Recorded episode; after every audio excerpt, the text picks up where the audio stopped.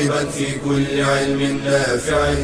ينمو العلم ويتقدم بتقنياته ومجالاته ومعه نطور أدواتنا في تقديم العلم الشرعي أكاديمية زاد زاد أكاديمية ينبوعها. صاف صاف ليروي غلة الظمآن. هذا كتاب الله روح قلوبنا. خير الدروس تعلم القرآن. بشرى لنا زاد أكاديمية للعلم كالأزهار في البستان. بسم الله الرحمن الرحيم. الحمد لله والصلاة والسلام على رسول الله وعلى آله وصحبه أجمعين. أيها الإخوة والأخوات والطلاب والطالبات. السلام عليكم ورحمة الله وبركاته ومرحبا بكم في مجلس من مجالس مادة التفسير. وقد سبق في الدرس الماضي الكلام عن تفسير سورة الشمس ونتم تفسير هذه السورة بإذن الله. أقسم الله عز وجل في أول السورة بالشمس والقمر والليل والنهار والسماء والأرض. ثم أقسم تعالى بآية عظيمة من آياته الدالة على ربوبيته وقدرته في خلقه. ما هي هذه الآية؟ النفس البشرية. فقال تعالى ونفس وما سواها فألهمها فجورها وتقواها إذا والشمس وضحاها قسمان والنهار إذا جلاها الثالث والليل إذا يغشاها الرابع والسماء الخامس وما بناها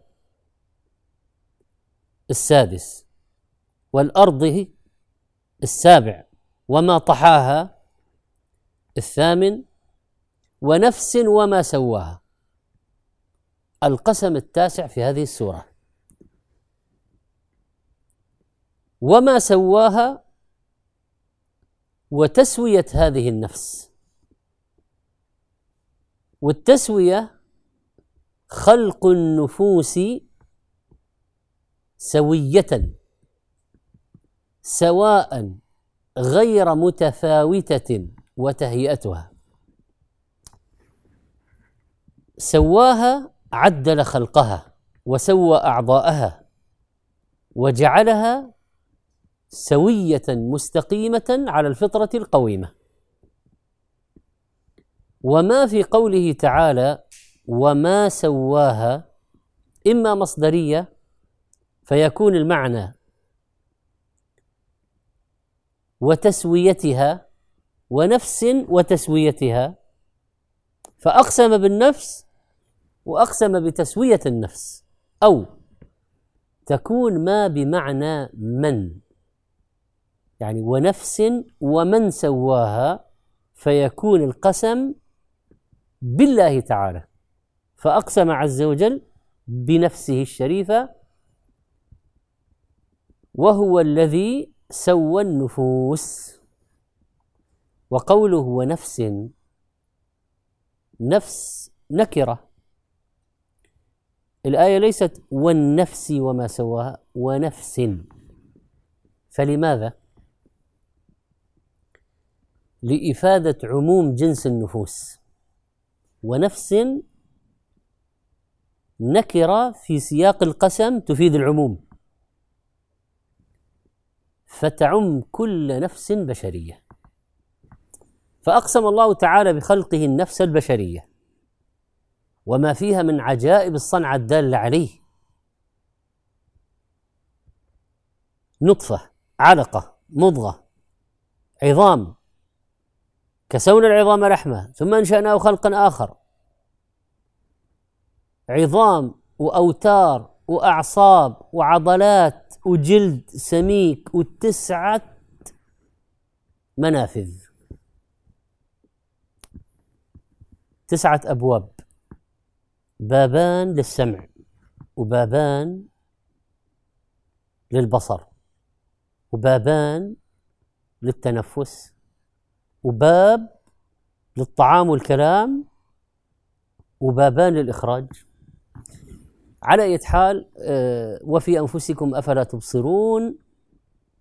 النفس وما فيها من دلائل الإعجاز والآيات الباهرة في خلقه تعالى عجب. فهي آية كبيرة ولذلك أقسم الله تعالى بها. ونفس وما سواها بإنفعالاتها وعواطفها وما فيها من العقل ونظام الحركة والانتقال والإنجاب إلى آخره. هذه النفس لولاها لكان البدن مجرد تمثال. ثم بين تعالى أنه أرشد كل نفس إلى فجورها وتقواها وبين لها الخير والشر الطاعه والمعصية.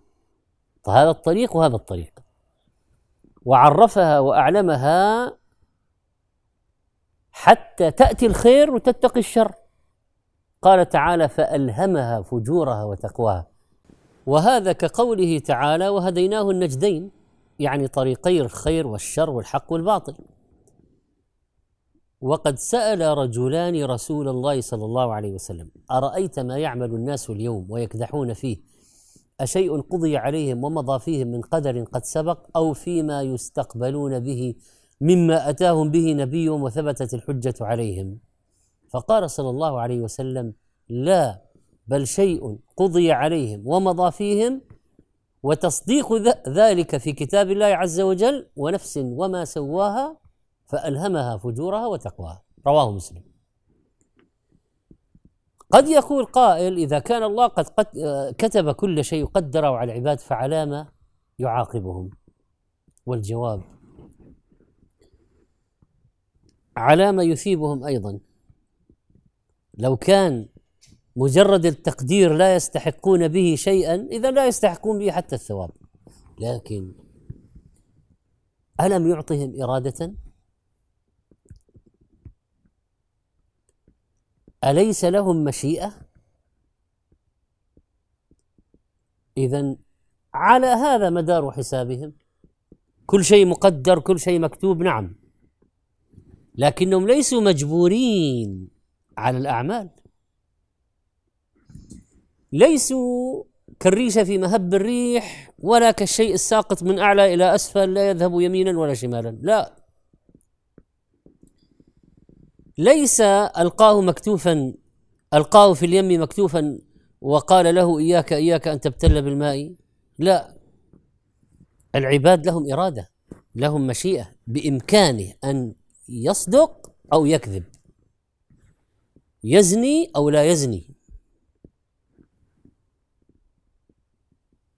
بإمكانه أن يشرب الخمر أو لا يشرب.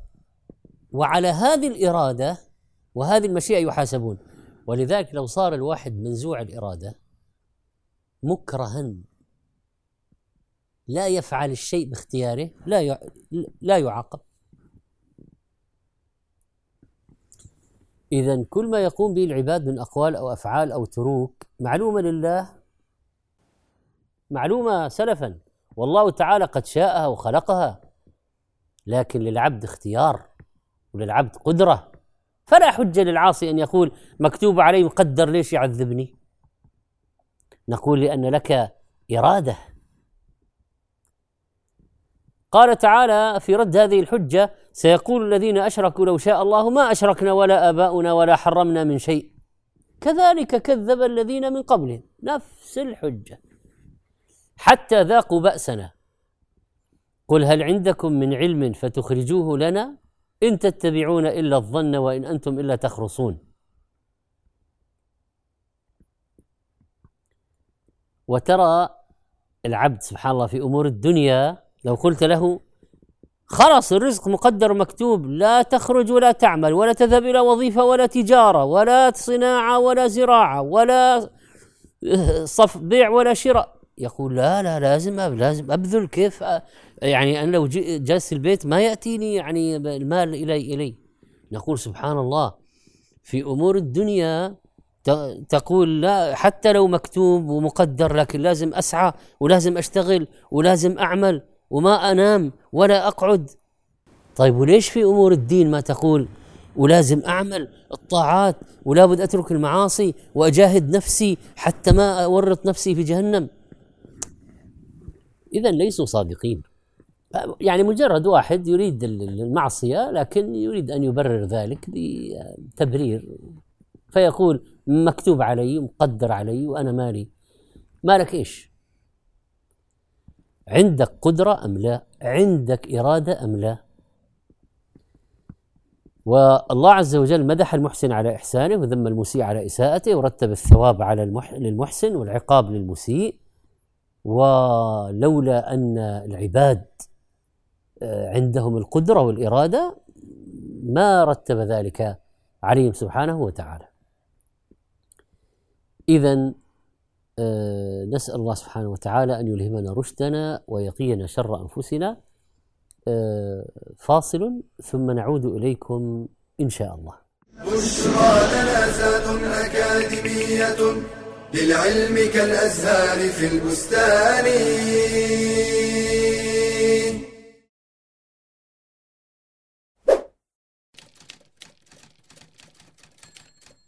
للمرأة في الإسلام أحكام تشريعية تختص بها رعاية لها وصيانة وتكريما لا تضييقا عليها ولا تصغيرا لشأنها فالمرأة لا تزوج نفسها.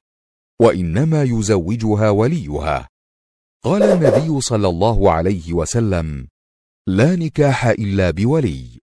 وفي هذا مراعاة لحيائها فإن مباشرتها عقد الزواج بنفسها يخدش هذا الحياء. وربما تحملها طبيعتها العاطفية على اختيار غير الكفء فتقع في ورطة يصعب انفكاكها منها. أما الولي فكونه رجلا يجعله أعرف بأخلاق الرجال ومكامن قوتهم وضعفهم. وكونه أبا أو أخا يجعله أجدر في رعاية مصلحتها وكرامتها. وفي السفر ربما تعرضت المرأة للمفاجآت من مشقة أو اعتداء أو حاجة. فلا تجد من يهتم لأمرها دون مطمع. فشرع الإسلام ألا تسافر المرأة إلا مع زوج أو محرم يعتني بها ويقوم بشأنها. فقال النبي صلى الله عليه وسلم لا تسافر المرأة إلا مع ذي محرم.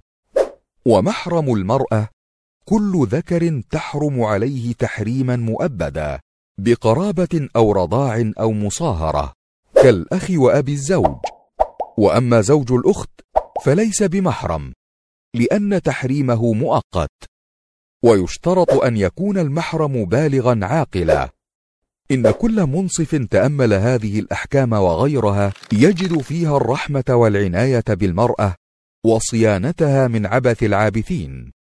وصدق الله إذ يقول ألا يعلم من خلق وهو اللطيف الخبير. بشرى لنا أكاديمية. للعلم كالأزهار في البستان. الحمد لله حياكم الله مرة أخرى أيها الإخوة والأخوات ومع قوله تعالى قد أفلح من زكاها وقد خاب من دساها. الأقسام السابقة يعني الأيمان السابقة لابد لها من جواب والشمس وضحاها والقمر إذا تلاها.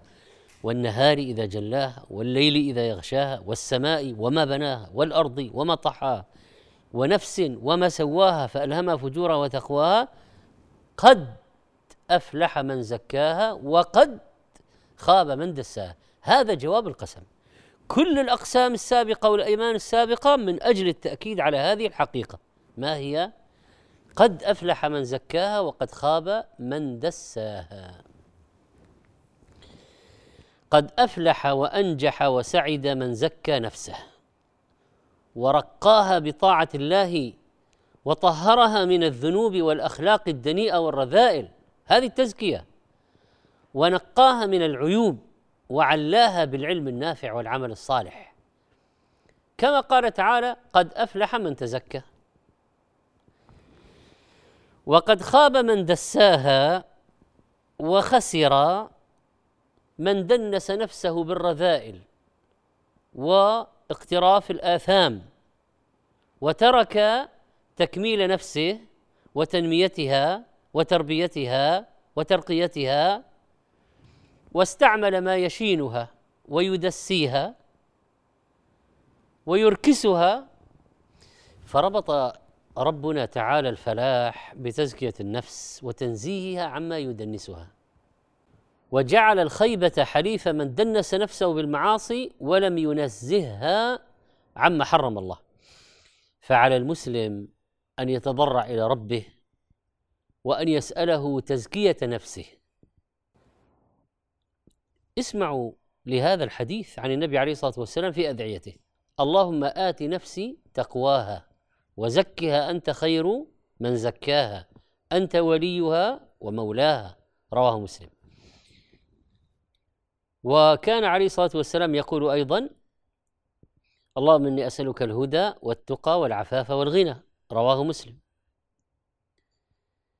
لما آه،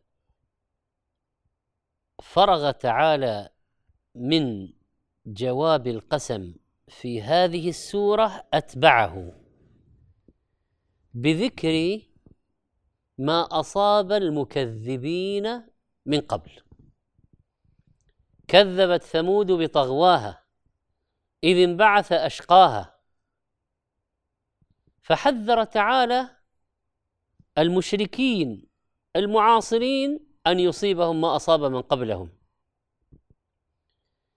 وذكر نقمته بثمود وما أحل بهم من العذاب لما كذبوا رسولهم صالحا عليه السلام. وكان ثمود كانت ثمود مثالا لمن دس دس نفسه واركسها فثمود كذبوا وركبوا المعاصي فخابوا وخسروا بطغيانهم. كذبت ثمود بطغواها. كذبوا صالحا عليه السلام بطغيانهم وعدوانهم وبغيهم وتكبرهم عن الحق وعتوهم. طغواها الطغوى هو الطغيان. والطغيان الخروج عن الحد في العصيان يعني مجاوزة الحد. ليس مجرد عصيان بل المبالغة فيه العتو. وقيل في الطغوى العذاب الذي جاءهم لأنه طغى عليهم. كما قال تعالى فأما ثمود فأهلكوا بالطاغية لأنهم كذبوا بهذا العذاب. وهذا المعنى في الطغوى اختاره ابن جرير الطبري رحمه الله. ثم فصل تعالى ماذا فعلوا وكيف كان طغيانهم؟ قال إذ انبعث أشقاها. فلما كذبوا صالحا عليه السلام ونازعوه وجادلوه هات الآيات ولن نصدق حتى تأتينا بآية. وأتاهم بالناقة ناقة الله. وآية كانت آية عظيمة. ماذا فعلوا؟ نهض أشقى القبيلة إذ انبعث أشقاها. عاقر الناقة. بعثوه وانتدبوه لعقرها ولذلك جاء العذاب عليهم جميعا. انبعث وأسرع في طاعة قومه لمباشرة الجريمة. من هو أشقاهم؟ قدار بن سالف. كما جاء ذكره في النص. كان رجلا فيهم عزيزا فيهم شريفا فيهم نسيبا رئيسا مطاعا. هو الذي عقرها. إذ انبعث أشقاها. شديد عارم مفسد خبيث منيع في رهطه. مثل أبي زمعة في كفار قريش. و هذا الحديث آه، هذا يبين مكانة الرجل وممالأة قومه له. هم انتدبوه وكان مطاعا فيهم. فنادوا صاحبهم فتعاطى فعقر. وجاء في الحديث الذي صححه بعض أهل العلم أشقى الأولين عاقر الناقة. أشقى الناس عاقر الناقة. وكان صالح عليه السلام قد حذرهم من عقر الناقة. وقال سبحانه وتعالى فقال لهم رسول الله ناقة الله وسقياها. ناقة الله احذروها. ناقة الله اجتنبوا التعرض لها. جعلها الله لكم آية. أنتم تشربون من لبنها. لا تقابلوا نعمة الله بعقرها. اللبن يكفيكم جميعا. أنها ناقة عظيمة جدا. طيب هذه الإضافة ناقة الله. ناقة الله. ما نوعها؟ هل هي يعني في إضافة المخلوق إلى الخالق في إضافة التشريف في إضافة هذه لا شك إضافة المخلوق الخالق لكنها تعني تشريفا. مثلا بيت الله. وأنه لما قام عبد الله يدعوه ناقة الله جعلها لهم آية. وسقياها يعني شربها يعني ذروا واتركوا ناقة الله وذروا شربها من الماء فلا تعرضوا للماء يوم شربها. واحذروا غصب سقيها والحيلول بينها وبين سقيها. والمراد التحذير من أن يسقوا إبلهم من الماء الذي في يوم نوبتها لأن لهم لأن لها يوما خاصا. لأنهم لما طلبوا خروج الناقة من الصخرة جعل الله لها ولهم يعني لها شرب ولكم شرب يوم معلوم. نوبة تار لهم وتار لها حتى لا يزاحمونها بأنعامهم. فلم يفعلوا ذلك. ماذا قالوا؟ ماذا فعلوا؟ سنتعرف على ذلك بعد قليل إن شاء الله. بشرى لنا أكاديمية للعلم كالأزهار في البستان.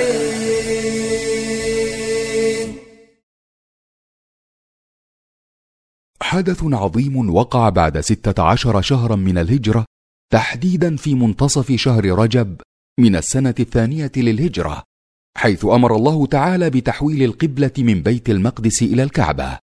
فاتخذ أعداء الإسلام من هذا الحدث ذريعة للطعن فيه. فقال المنافقون ما لهم كانوا على قبلة زمانا ثم تركوها. وقال اليهود لو ثبت محمد على قبلتنا لاتبعناه. وقال المشركون رجع إلى قبلتنا ويوشك أن يرجع إلى ديننا. وهنا ظهر تسليم المؤمنين لله تعالى. فالعبرة بطاعته لا بالجهة. قال تعالى سيقول السفهاء من الناس ما ولاهم عن قبلتهم التي كانوا عليها. قل لله المشرق والمغرب. يهدي من يشاء إلى صراط مستقيم. إن المشرق والمغرب لله فلماذا يعترضون على توليتكم قبلة داخلة تحت ملكه؟ لقد كان هذا امتحانا للناس ليتميز الصادق في إيمانه من الكاذب. قال تعالى وما جعلنا القبلة التي كنت عليها إلا لنعلم من يتبع الرسول ممن ينقلب على عقبيه أي ليظهر حال من يتبعك ويطيعك ممن يرتد. وقد سارع الصحابة رضي الله عنهم بالاستجابة. فبعد أن أخبروا بتحويل القبلة استداروا إلى الكعبة مباشرة وهم في الصلاة بعد أن كانت وجوههم إلى الشام. إن استقبال القبلة هو صورة باهرة لوحدة الأمة وتوحيدها وفي تحويلها مخالفة لأهل الكتاب وإظهار لاستقلال الأمة الإسلامية في عقيدتها وهو مقصد شرعي عظيم. قال تعالى إن هذه أمتكم أمة واحدة وأنا ربكم فاعبدون. بشرى لنا زاد أكاديمية للعلم كالأزهار في البستان. الحمد لله حياكم الله أيها الإخوة والأخوات وتركناكم قبل قليل. كنا في الحوار بين صالح عليه السلام وقومه في شأن الناقة. قالوا إنما أنت من المسحرين ما أنت إلا بشر مثلنا فأت بآية إن كنت من الصادقين. قال هذه ناقة لها شرب ولكم شرب يوم معلوم ولا تمسوها بسوء فيأخذكم عذاب يوم عظيم. فعقروها فأصبحوا نادمين. نحن الآن في تفسير قوله ناقة الله وسقياها. موضوع سقياها. وقال تعالى ونبئهم أن الماء قسمة بينهم. كل شرب محتضر. ما أطاعوا نبيهم وتعرضوا للناقة وتعرضوا لها بماذا؟ بالعقر. بالعقر والإهلاك. قال تعالى فكذبوه فعقروها فدمدم عليهم ربهم بذنبهم فسواها. طبعا السورة آه هذه سورة الشمس ومكية آياتها قصيرة تلخص لنا القصة في آه كلمات سريعة آه لأن القصة مبسوطة في سور أخرى من كتاب الله. فكذبوه فعقروها. و الناقة التي أخرجها الله لهم من الصخرة آية وحجة. عقروها وأسند العقر إلى كل القبيلة مع أن الذي عقر واحد لأنهم هم الذين بعثوه ورضوا بفعله وتمالأوا معه على ذلك وسروا به. فلما كانوا شركاء في الجريمة عمهم العقاب جميعا. وقال عز وجل في آية أخرى فعقروها فأصبحوا نادمين وقال عز وجل وآتينا ثمود الناقة مبصرة. آية بينة واضحة. فظلموا بها. قال الحسن إنما عقر الناقة رجل واحد فعمهم الله بالعقوبة لأنهم عموا فعله بالرضا. يعني فعل قدار بن سالف هذا رضوا به. وهذا في بيان خطورة من يرضى بالمنكرات وإن لم يفعلها. وإثم من يتابع أصحابه عليها. وفي الآية بيان أهمية إنكار المنكر بالقلب لمن لم يقدر على تغييره بيده أو لسانه. وكان جزاء ثمود أن غضب الله عليهم وعمهم بالعقاب وأرسل عليهم الصيحة من فوقهم والرجفة من تحتهم فأصبحوا جاثمين في ديارهم. لا تسمع لهم ركزا ولا تجد فيهم داعيا ولا مجيبا. فدمدم عليهم ربهم بذنبهم فسواها. الدمدمة إهلاك باستئصال. الدمدمة تضعيف العذاب وترديمه وترديده. آه المراد بها صوت الصيحة. الدمدمة صوت الصيحة العظيمة التي جاءت والرجفة التي أصابت. صيحة أتت عليهم ورجفة من تحتهم أهلكوا جميعا فأخذتهم الرجفة فأصبحوا في دارهم جاثمين. إذا ثمود أهلكوا بعذابين. الصيحة والرجفة. قال تعالى وأخذ الذين ظلموا الصيحة فأصبحوا في ديارهم جاثمين. وقال إنا أرسلنا عليهم صيحة واحدة فكانوا كهشيم المحتضر صاروا مثل الشجر اليابس إذا تحطم. وقال تعالى فأما ثمود فأهلكوا بالطاغية. وقوله تعالى فسواها جعل العقوبة نازلة عليهم على السواء سوى بينهم في العقوبة. وقيل سواها سوى بهم الأرض. فدمر عليهم وأهلكهم بذنوبهم. فلم يفلت منهم أحد. وهذا منه تعالى عدل وهو القادر العزيز القاهر الجبار وهو الحكيم في أفعاله وقضائه الفعال لما يريد لا يسأل عما يفعل وهم يسألون. قال تعالى ولا يخاف عقبها بعض الناس إذا فعل شيئا أو أنزل بقوم آه، يعني أذية أو أنزل بهم ضررا يصبح خائفا من الانتقام. الله عز وجل ينتقم ولا يخاف. وينزل البأس والعقوبة ولا يخشى أحدا سبحانه ولا يخاف عقباه. لا يخاف عاقبة ما فعله بهم عز وجل. من الذي يقدر؟ من الذي يقدر أن يضره ولا يضرونه شيئا؟ لا يخاف عاقبة الدمدمة ولا يخاف تبعة ما فعل سبحانه وتعالى ولا يخاف عقباها جبار قوي منيع عزيز. ومن الذي سيثأر لهم؟ ما لهم معين ولا لهم نصير. لم يبق منهم أحد أصلا. إفناء كامل. وهذا تهديد عظيم من الله تعالى للمشركين. سبحانه من قدر وانتقم. نعوذ بالله من غضبه وعقابه. وننتقل أيها الإخوة والأخوات بكم الآن إلى السورة التالية وربط بين سورة الشمس بسورة الليل. والليل إذا يغشى والنهار إذا تجلى وما خلق الذكر والأنثى جواب القسم إن سعيكم لشتى. سورة الليل سورة مكية. آياتها 21 آية من السور التي كان النبي صلى الله عليه وسلم يقرأ بها في صلاة الظهر أحيانا كما ورد في صحيح مسلم.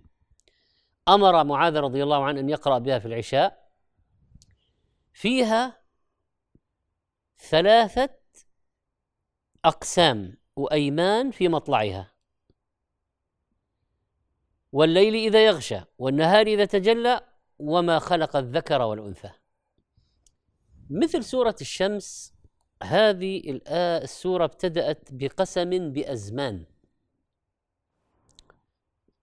مثل سورة الشمس ابتدأت بأقسام وهذه السورة كذلك ابتدأت بأقسام. وبعض السور التي تقدمت فيها القسم بالليل والنهار وهذه السورة ابتدأت بالقسم بالليل والنهار. وهما الزمان الذي تقع فيه أفعال العباد. قال تعالى والليل إذا يغشى يعني يغشى النهار بظلمة فيذهب ضوء النهار. يغشى يغطي ويعم كل شيء ما بين السماء والأرض فيسكن كل إلى مأواه ويستريح العباد من التعب. ثم قال تعالى والنهار إذا تجلى فهذا قسم ثان. والنهار إذا بان وظهر وانكشف ووضح للخلق بضوئه وإشراقه فزالت ظلمة الليل وطلع الفجر ثم طلعت الشمس. فاستضاء الخلق بالنور وانتشروا في مصالحهم. إذا القسم بالليل والقسم بالنهار لأنهما مستودع الأعمال لأنهما الزمان لأن كل من الليل والنهار فيهما حكم عظيمة الليل جعل الليل لباسا وجعل النهار معاشا جعل الليل سكنا. والنهار لتبتغوا من فضله فنعمة عظيمة على الخلق منة عظيمة هو هذا القسم. لما نحن نقرأه نتعظ أن الليل والنهار مستودع أعمال العباد والزمان فلنفعل فيهما خيرا. ونشكر النعمة لأن الليل لنا لباس وسكن والنهار لنا معاش وابتغاء من فضله. قال تعالى ألم يروا انا جعلنا الليل ليسكنوا فيه والنهار مبصرا؟ إن في ذلك لآيات لقوم يؤمنون. ثم قال تعالى وما خلق الذكر والأنثى. الواو والقسم ما ما إما أن تكون موصولة بمعنى الذي من يعني وما خلق يعني ومن خلق. يعني قسم قسم من الله بنفسه الكريمة. وتقدير الكلام والذي خلق الذكر والأنثى. هذا احتمال. احتمال الثاني أن تكون ما مصدرية. ما هو المصدر؟ وما خلق يعني وخلق الذكر والأنثى. المصدر خلق الخلق خلق المصدر الخلق. فإذا كانت ما مصدرية فيكون القسم بخلق الذكر والأنثى وما خلق فأقسم تعالى بذلك وما فيه من الحكمة أن خلق من كل صنف من الحيوانات التي يريد بقاء ذكرا وأنثى ما هو فقط من البشر. ليبقى هذا النوع سواء البشري الحيواني عموما ولا يضمحل. وهذا كقوله تعالى وخلقناكم أزواجا وقوله ومن كل شيء خلقنا زوجين لعلكم تذكرون. ما هو جواب القسم؟ لما كان القسم بأشياء متقابلة والليل إذا يغشى والنهار إذا تجلى كان جواب القسم فيه أشياء متقابلة. إن سعيكم لشتى. كتضاد الليل والنهار يوجد تضاد في سعي العباد فمنهم كفور ومنهم شكور منهم كافر ومنهم مؤمن. إن سعيكم لشتى تتفاوتون فيه من خير وشر وطاعة ومعصية وكفر وإيمان. إن سعيكم لشتى. ثم سيذكر الجزاء المترتب. هنا نقف في نهاية درسنا هذا ونأتي على بقية السورة في الدرس القادم إن شاء الله. نسأل الله تعالى أن يجعل سعينا في طاعته وأن يجعل جزاءنا موفورا وسعينا مشكورا. أستودعكم الله والسلام عليكم ورحمة الله وبركاته. يا راغبا في كل علم نافع. متطلعا لزيادة الإيمان وتريد سهلا النوال ميسرا يأتيك ميسورا بأي مكان. زاد زاد أكاديمية ينبوعها صاف صاف ليروي غلة الظمآن. هذا كتاب الله روح قلوبنا. خير الدروس تعلم القرآن. بشرى لنا زاد أكاديمية للعلم كالأزهار في البستان.